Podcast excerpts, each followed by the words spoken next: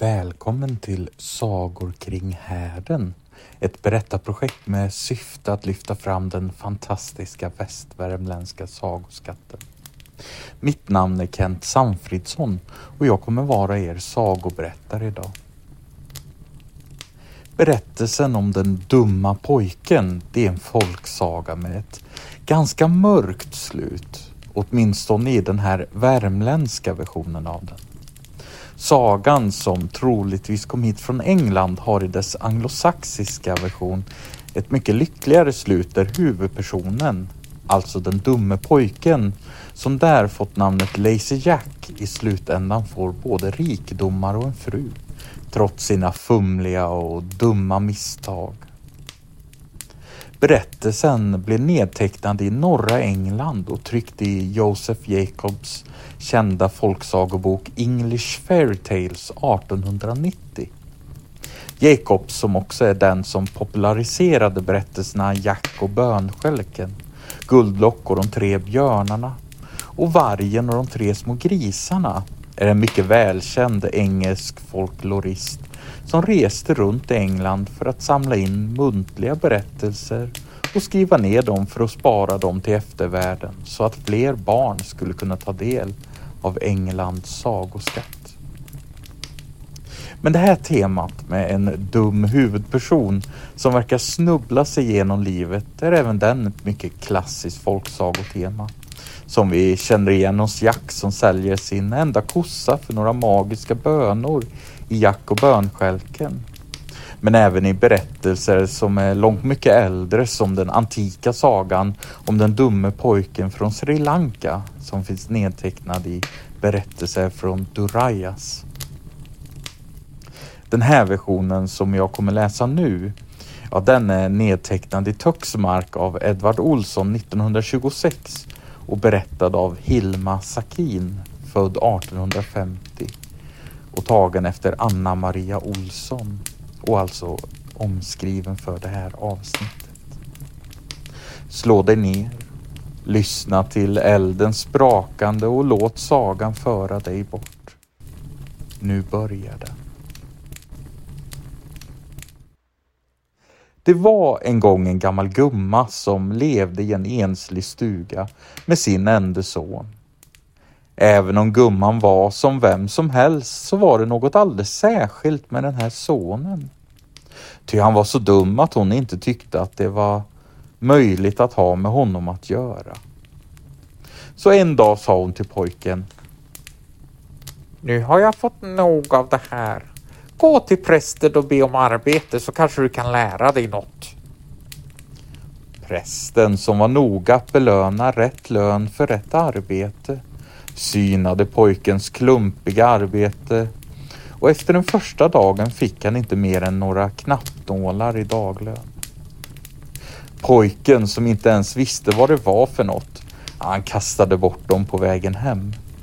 Och när han på kvällen kom hem till stugan så frågade hans mor vad han hade fått i lön för sitt arbete. Ja, jo lön fick jag allt. bara några gamla nålar. Så jag kastade bort dem. Och du din odaga, de kunde du ha stuckit så vackert i bössan. Det gör jag väl i Möra istället. Nästa dag jobbade pojken på lite hårdare och fick därför några navarer, ja en slags gammaldags borr i lön. Och dessa tryckte han genom mössan så att den gick i trasor. När hans mor fick se honom på kvällen jämrade hon sig och sa Åh, du är alltså dum. Davarna skulle du burit på armen hem. Det gör jag väl i Möra istället, sa pojken disträ. Nästa dag började pojken visa sig bli allt bättre på sitt arbete hos prästen och fick därför som betalning en stor kanna mjölk.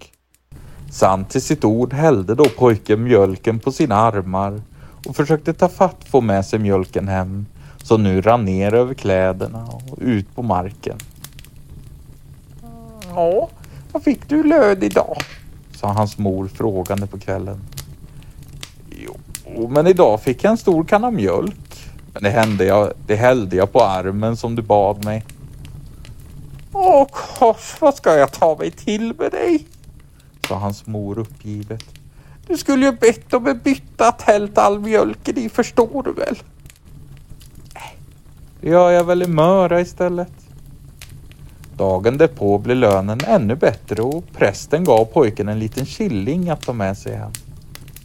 Han frågade artigt efter en bytta som han sen tryckte ner den lilla killingen i och band fast locket tätt så inget skulle råka ramla ut på hemvägen. Ja, vad fick du i lön idag? sa hans mor frågande på kvällen. Bad du om någon bytta? Jo du mor, nog bad jag om en bytta. Så jag la killingen som jag fick som betalning i där och, satte locket på. När hans mor öppnade locket såg hon att killingen låg död längst ner i byttan. Usch tvivale, du blir allt dummare och dummare för var dag som går. Du skulle ha bett om ett rep och knutit honom på och lett honom hem, förstår du väl? Det gör jag väl i Möra istället, sa pojken. Så gick ännu en dag och nu fick han en stor bit smör som betalning. Artig som pojken var så bad han om att få låna ett rep som han sen knöt kring smörbiten och med snabba steg sprang han hem för att visa sin mor vad han hade fått. När hans mor fick höra hur hans son ännu en gång helt hade misslyckats att föra hem någon lön sa hon ilsket. Det är jämt omöjligt med dig. Så nu får du gå ut och fria så jag slipper dig. Du ska gå till en flicka nere i dalen som heter Sölve. Du ska viska hennes namn hela vägen så du inte glömmer det. Ivrigt sprang sonen iväg och dansandes på vägen ner i dalen ropade han Sölve, Sölve, snart blir du min.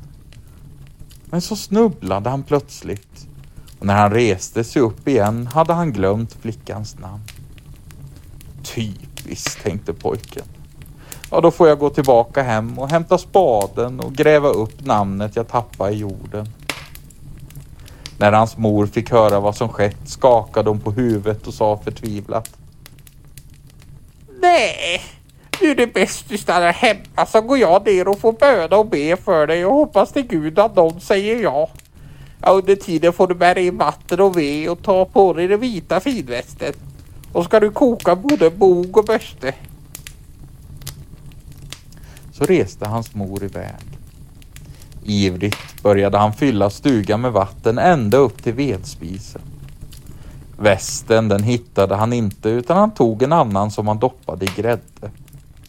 Sist tog han hunden deras som hette Bösse och katten som hette Bog och la i en gryta på spisen. När så hans mor kom tillbaka med en flicka från byn bad hon att flickan skulle sätta sig på en bänk utanför medan hon kikade hur det hade gått.